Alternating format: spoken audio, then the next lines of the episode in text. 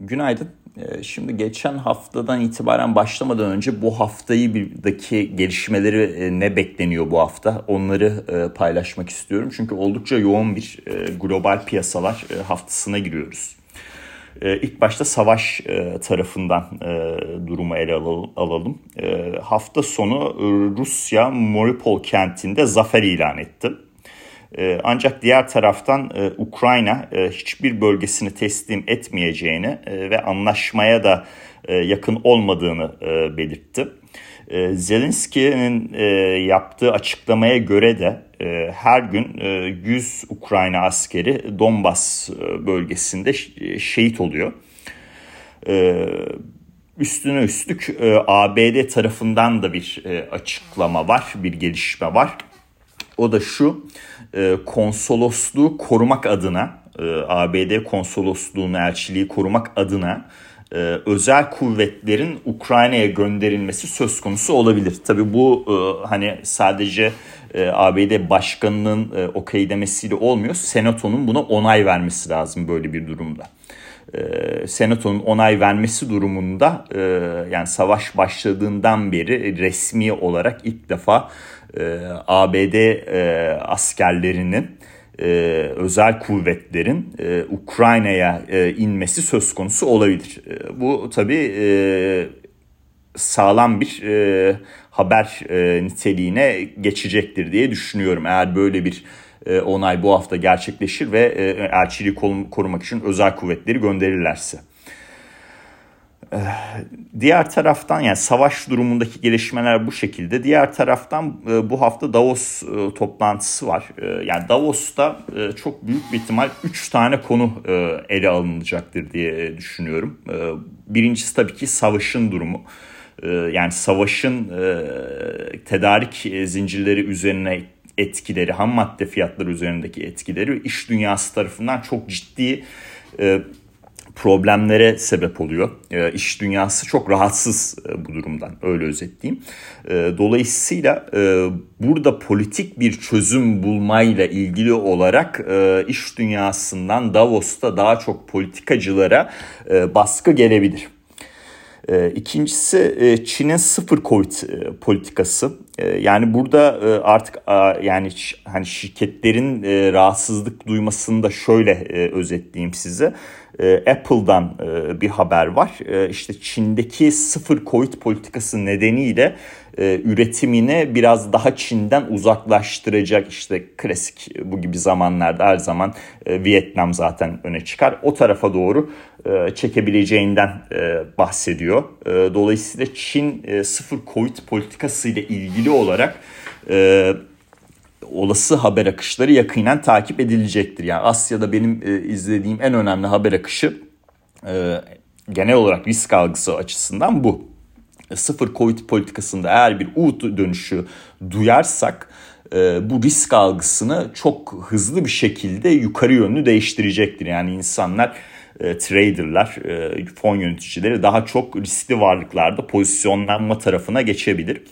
Ee, üçüncü durum da e, petrol ve e, gıda fiyatları. E, yani bu gıda fiyatları konusu e, özellikle buğday tarafı birçok işte gelişmekte olan ülkede problemlere sebep oluyor. Ukrayna'nın Karadeniz'den işte çıkıp global piyasaya ulaşan buğday miktarının savaş nedeniyle sekteye uğraması ciddi bir problem.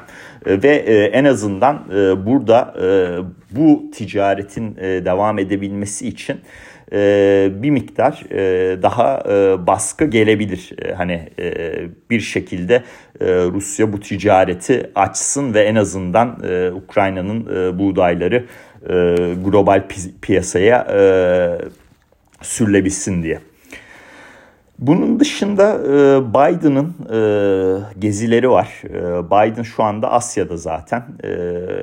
Şu anda haber akışlarını çok etkilemiyor ama orta uzun vadede Kuzey Kore tarafı önemli. İşte Kim Jong-un'la konuşabileceğini belirtmiş Kuzey Kore lideriyle. Böyle bir görüşme olursa tabii bu olumlu bir durum olur. E, ama şu anda hani Kuzey, Kuzey Kore çok ciddi bir e, global piyasalarda risk faktörü olmadığı için çok öne çıkmıyor. Daha orta uzun vadeli bir e, düşünce olur bu. Ee, onun dışında daha çok öne çıkacağı e, görüşme on, Asya'dan sonra işte Suudi Arabistan tarafına geçecek diye haberlerde okumuştum. E, bu hafta e, Suudi Arabistan tarafıyla işte Biden'ın e, yapacağı görüşmede e, biliyorsunuz ABD tarafı e, petrol fiyatlarından çok rahatsız e, ve OPEC üretiminin de artmasını istiyor e, günün sonunda. E, kendi ülkesindeki benzin fiyatları tarihi rekor seviyelere gelmiş durumda. E, o tarafta petrol üretiminin artmasıyla ilgili muhtemelen baskı yapacaktır. E, Suudi Arabistan tarafının da buna daha yani bu görüşmeler sonrası daha olumlu bir bakış açısı olursa petrol fiyatlarında bir miktar gerilemenin ve bu enflasyon risklerini azaltan bir duruma e, manşet enflasyondan bahsediyorum tabii e, girilmesi söz konusu olabilir. E, genel olarak e, hani ekonomik veri dışındaki çerçeve böyle böyle e, şekillenecek. Ekonomik veriler kısmına bakarsak da e, bu hafta Fed'in e, ana enflasyon göstergesi PCE verisi var. Bu rakamı e, alacağız. E, onun dışında Fed'in Mayıs ayı toplantı tutanakları yayınlanacak çarşamba günü. Orada detaylara bakacağız ve Avrupa tarafında da PMI verileri var. Yarın itibariyle gelmeye başlayacak. O, o verileri izleyeceğiz. Yani ekonomik büyüme risklerine karşı PMI verileri, işte Fed'in faiz artışı e, süreciyle ilgili olarak e, daha doğrusu sıkılaşma süreciyle ilgili olarak PCE verisi FED tutanakları takip edilecek. E, Powell'ın da yarın gene bir konuşması var. O da bu hafta yakinen takip edilecek gelişmelerden.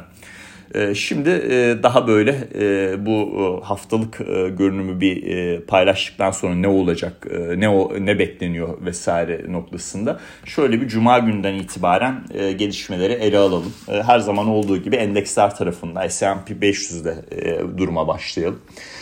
Sonunda yaptılar. Helal olsun. Denilecek bir şey yok.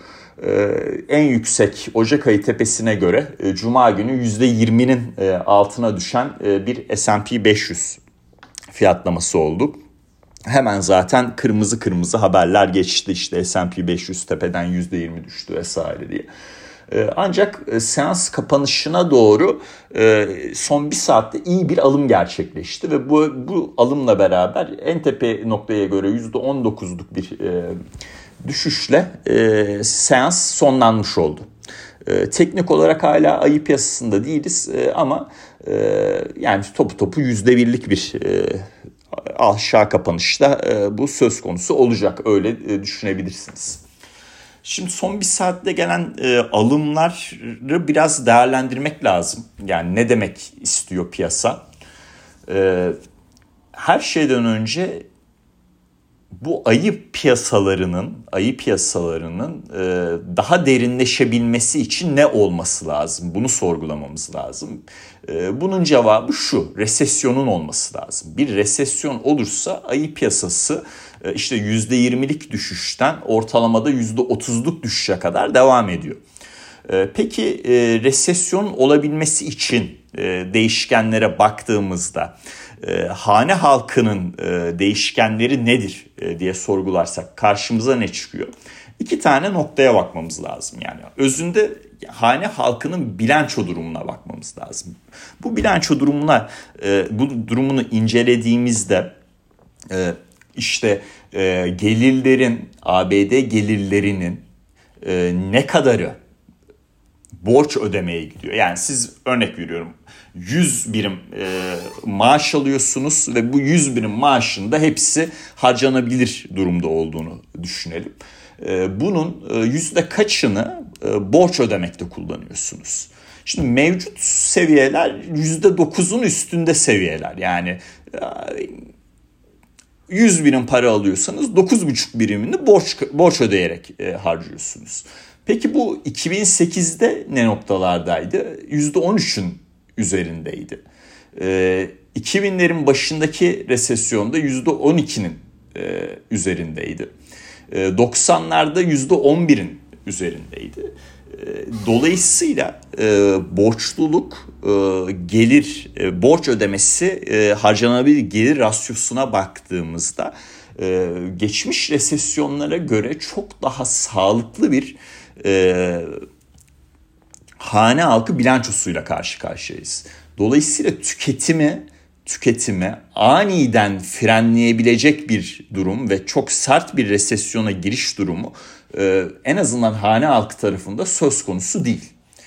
E, diğer taraftan e, toplam tasarruf noktasına bakarsak e, yani toplam ABD hane halkının tasarruf oranı tasarruf miktarına e, bakarsak e, 2008'in mevcut e, durum 2008'in yaklaşık olarak 3 katı. 2000'lerin işte 2001'deki resesyonunda bir yaklaşık olarak gene orada da bir 3 katlık bir mevcut seviyeyle baktığımızda değişkenlik var. Dolayısıyla bir daha az yani gelen gelirinin daha azı borcu ödeniyor. İki mevcutta bankalarda cepte duran para geçmiş resesyonlara göre çok daha fazla. bu iki yapı büyüme problemlerinin, büyüme risklerinin e, sert bir resesyona dönüşüp işte ABD endekslerinin e, ayı piyasasında daha da çok derinleşerek satışların daha da çok derinleşerek işte ortalamada da %30'luk bir e, gerileme oluyor zaten. E, bu noktaya doğru gidişatını engelliyor. Yani cuma günkü alımların bir kısmı e, nedeni de bu herhalde hane halkı e, yapısının e, daha iyi bir e, konumda olmasından ötürü gelen bir durumdu. E, ikinci durum ne? Biliyorsunuz enflasyon tarafının e, çekirdek tarafta enflasyon verilerinde çekirdek tarafta bir tavan oluşumunu gördük Mart ayında Nisan ayı verilerinde tüfe verilerinde bunun teyidini aldık yıllık bazda ve baz etkisiyle bunun e, artık önümüzdeki dönemde daha çok gerilemesi e, bekleniyor.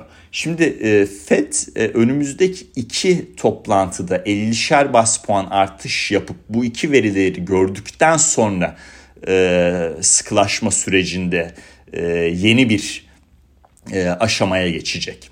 Bu yeni aşama eğer e, çekirdek verilerde, çekirdek enflasyonlarda düşmeyi görmeye devam ettiğimiz süre e, zarfında olursa yani bu verilerde düşmeleri görmeye devam edersek ki ben bekliyorum. Ee, keza işte Piper Jeffries e, tarafı da yani 2023 senesinde çekirdeğin e, tekrardan %2 civarına gelmesi bekliyor 2023 sonunda.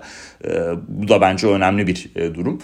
Dolayısıyla ekonomistler arasında yumuşak iniş senaryosuna inananlar da var. Yani onu da belirteyim size. Şimdi bu durum gerçekleşirse e, bu e, faiz artışı beklentilerine baktığımız grafiklerde piyasa fiyatlamalarında mevcut seviyelerin çok daha üzerine çıkmayacak bir fiyatlama göreceğiz. E, hatta e, Fed'in de bir miktar eli rahatlayacağı için ya burada e, Fed e, yumuşak inişi gerçekleştirebilir e, düşüncesi daha çok e, hakim olacaktır e, piyasada. E, demek ki resesyon olmadan da bir e, sıkılaşma ile e, uzun vadeli enflasyon beklentilerini daha çok kontrol altına alabilir düşüncesine geçecektir. E, bu tabii bu yapı e, bir noktada e, ayı piyasası e, düşüncesi altında ya gene tekrarlıyorum e, çok yakınız o seviyeye e, ama teknik olarak bu durum daha başlamadı. E, daha da derinleşip işte o e, bir yüzde on daha satış S&P'ye gelme noktasını engelleyen bir e, duruma e, dönüş. E, şimdi bu sabah itibariyle de vadeli piyasalara baktığımızda e, S&P 500'de işte e, %1.4'e yakın bir e, artış var. E, demek ki e, daha derinleşecek bir ayı piyasası e, şu anda düşünülmüyor. Teknik olarak da e, hızlı bir şekilde e, şuradan bir şey yapmam lazım. Kusura bakmayın. E, tam şey yaparken e, konuşurken Bloomberg e, tarafında bir gelişme oldu. Daha böyle derinleşecek satışları düşüncesini bize götürmüyor. Teknik olarak da ayı piyasasındaki bir kapanışa şu anda yakın vadeli fiyatlama böyle bir durum olacağını bize göstermiyor. Bu şekilde özetleyebilirim size işte cuma günkü o son bir saatte ne oldu e, endeksleri niye aldılar e, sorusuna cevap olarak e, ve işte bundan sonra gidişat ne olabilir noktasına cevap olarak. Varlık fiyatlamalarına geçecek olursak Euro dolar tarafında dolar endeksinde daha doğrusu 103 seviyesinin altında kalmamızla beraber Euro dolarda 1.06 noktasına geldik. E, bu önemli bir e, durum. E, biliyorsunuz işte 1.06.30, 1.06.40 ondan sonra 1.07.30, 1.07.40 e, direnç noktalarından bahsediyorduk. E, bu hareketi e, görme e, noktası, bu hareketi görme olasılığımız daha da çok artmış durumda. O hep bahsettiğim size işte euro doların 1'e gitme olasılığı e, 2016-2017 zamanlarındaki e, denklemde belki daha gerçekçiydi. Ama şu bulunduğumuz zamandaki dolar hareketi daha çok riskten kaçış hareketi olduğu için e, çok e, doğru bir e, düşünce değil e, noktasında. E, piyasa fiyatlaması e, şu anda 1'e gitmektense 1 10 seviyesine doğru hareketlenme durumuna daha çok olasılık vermeye yavaş yavaş başladı. E, onun için de dediğim o iki tane e, ana direnç e, noktasını takip ediyorum. Altın tarafında bir miktar alım var. 200 günlük ortalamanın üzerindeyiz şu anda. Bu alımlar tabii dolar endeksindeki kayıpla beraber işte bir 20-30 dolar daha belki devam edebilir. Yani 1870-1890 aralığına doğru e, bir e, altın fiyatlaması olabilir. E, ancak ben hem CFDC pozisyon fonların vade fonların vadeli piyasalardaki pozisyonlanmalarına baktığımda ee, işte geçen hafta gene longlar kapatıldı, shortlar arttı. arttı. Ee, hem e, gümüşün grafiğine baktığımda e, altın tarafını çok destekleyen bir e, hareketin daha gelmiyor olması hem de borsa yatırım fonu giriş çıkışlarına baktığımda geçen hafta altından gene çıkış oldu. Gümüş tarafında bu sefer çok sert bir çıkış var. Bu yapıyı değerlendirdiğimde ve her zaman diyorum en önemli e, değişken e, değerli metaller söz konusu olunca reel getiriler. Reel getirilerde de e, çok sert bir aşağı hareket görmediğimizden ötürü bence bu 20-30 dolarlık bir yükseliş yaşasak bile tekrardan o seviyelerden bir satış baskısı gelip bizi tekrardan 200 günlük ortalamaya ilk başta test ettirecek. İşte 1840 seviyelerine yakın şu anda öyle düşünebilirsiniz orayı test ettirecek e, bir fiyat hareketi e, yaratabilir. Şöyle e, diğer fiyatlamalar şimdi tabii bütün Bloomberg kendini update ettiği için bütün grafiklerim de kaybolmuş oldu. yani Murphy kuralı bilirsiniz denilecek bir şey yok. Diğer fiyatlamalarda da mesela İngiliz sterlini British Pound'da da bu hafta 1.26.60'a doğru bir e, hareketlilik e, söz konusu olabilir. Orada İngiltere tarafında da e, işte hem enflasyon hem de büyüme risklerine karşı vergisel e, düzenlemeler geliyor. E, bu durumun da pound'a pozitif etkili etkisi söz konusu. Merak edenler için dolar endeksinde izlediğim destek seviyesi kısa vadede 101.27 e, seviyesi bu şekilde düşünülebilir. 10 yıllıklarda konuştuğumuz 2.77 destek seviyesine geriledik. E, ancak yani bunun böyle 2.62'lerin altına gerilemesi için e, orada bir güzel bir e, kanalı var e, teknik olarak bakarsanız. O kanalın içine dönebilmesi için enflasyon beklentilerinde daha çok daha sert gerilemelerin söz konusu olması lazım. Bunun için de kanıta ihtiyacımız var. Yani önümüzdeki iki enflasyon verisi bu haftaki PCE verisi de buna dahil ama benim e, aradığım veriler Nisan ayı değil işte Mayıs ve Haziran ayı e, verisi e, oldukça önemli olacak. E, bu iki e, veride çekirdek rakamlardaki e, gidişat e, 10 enflasyon beklentilerin daha doğrusu enflasyon beklentilerine Fed'in faiz artışı e, sıkılaşma sürecine ve günün sonunda da 10 yıllıkları e, etkileyecek bir durum olacak.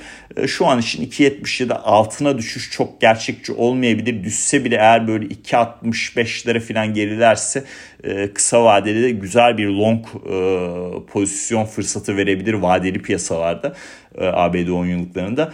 Ama Mayıs ve Haziran ayı e, enflasyon verilerini gördükten sonra tekrardan o düşen ka- kanalın içine e, işte belki de 2.50'de seviyeleri konuşulabileceği bir e, 10 yıllıklar durumuna geçiyor olabiliriz.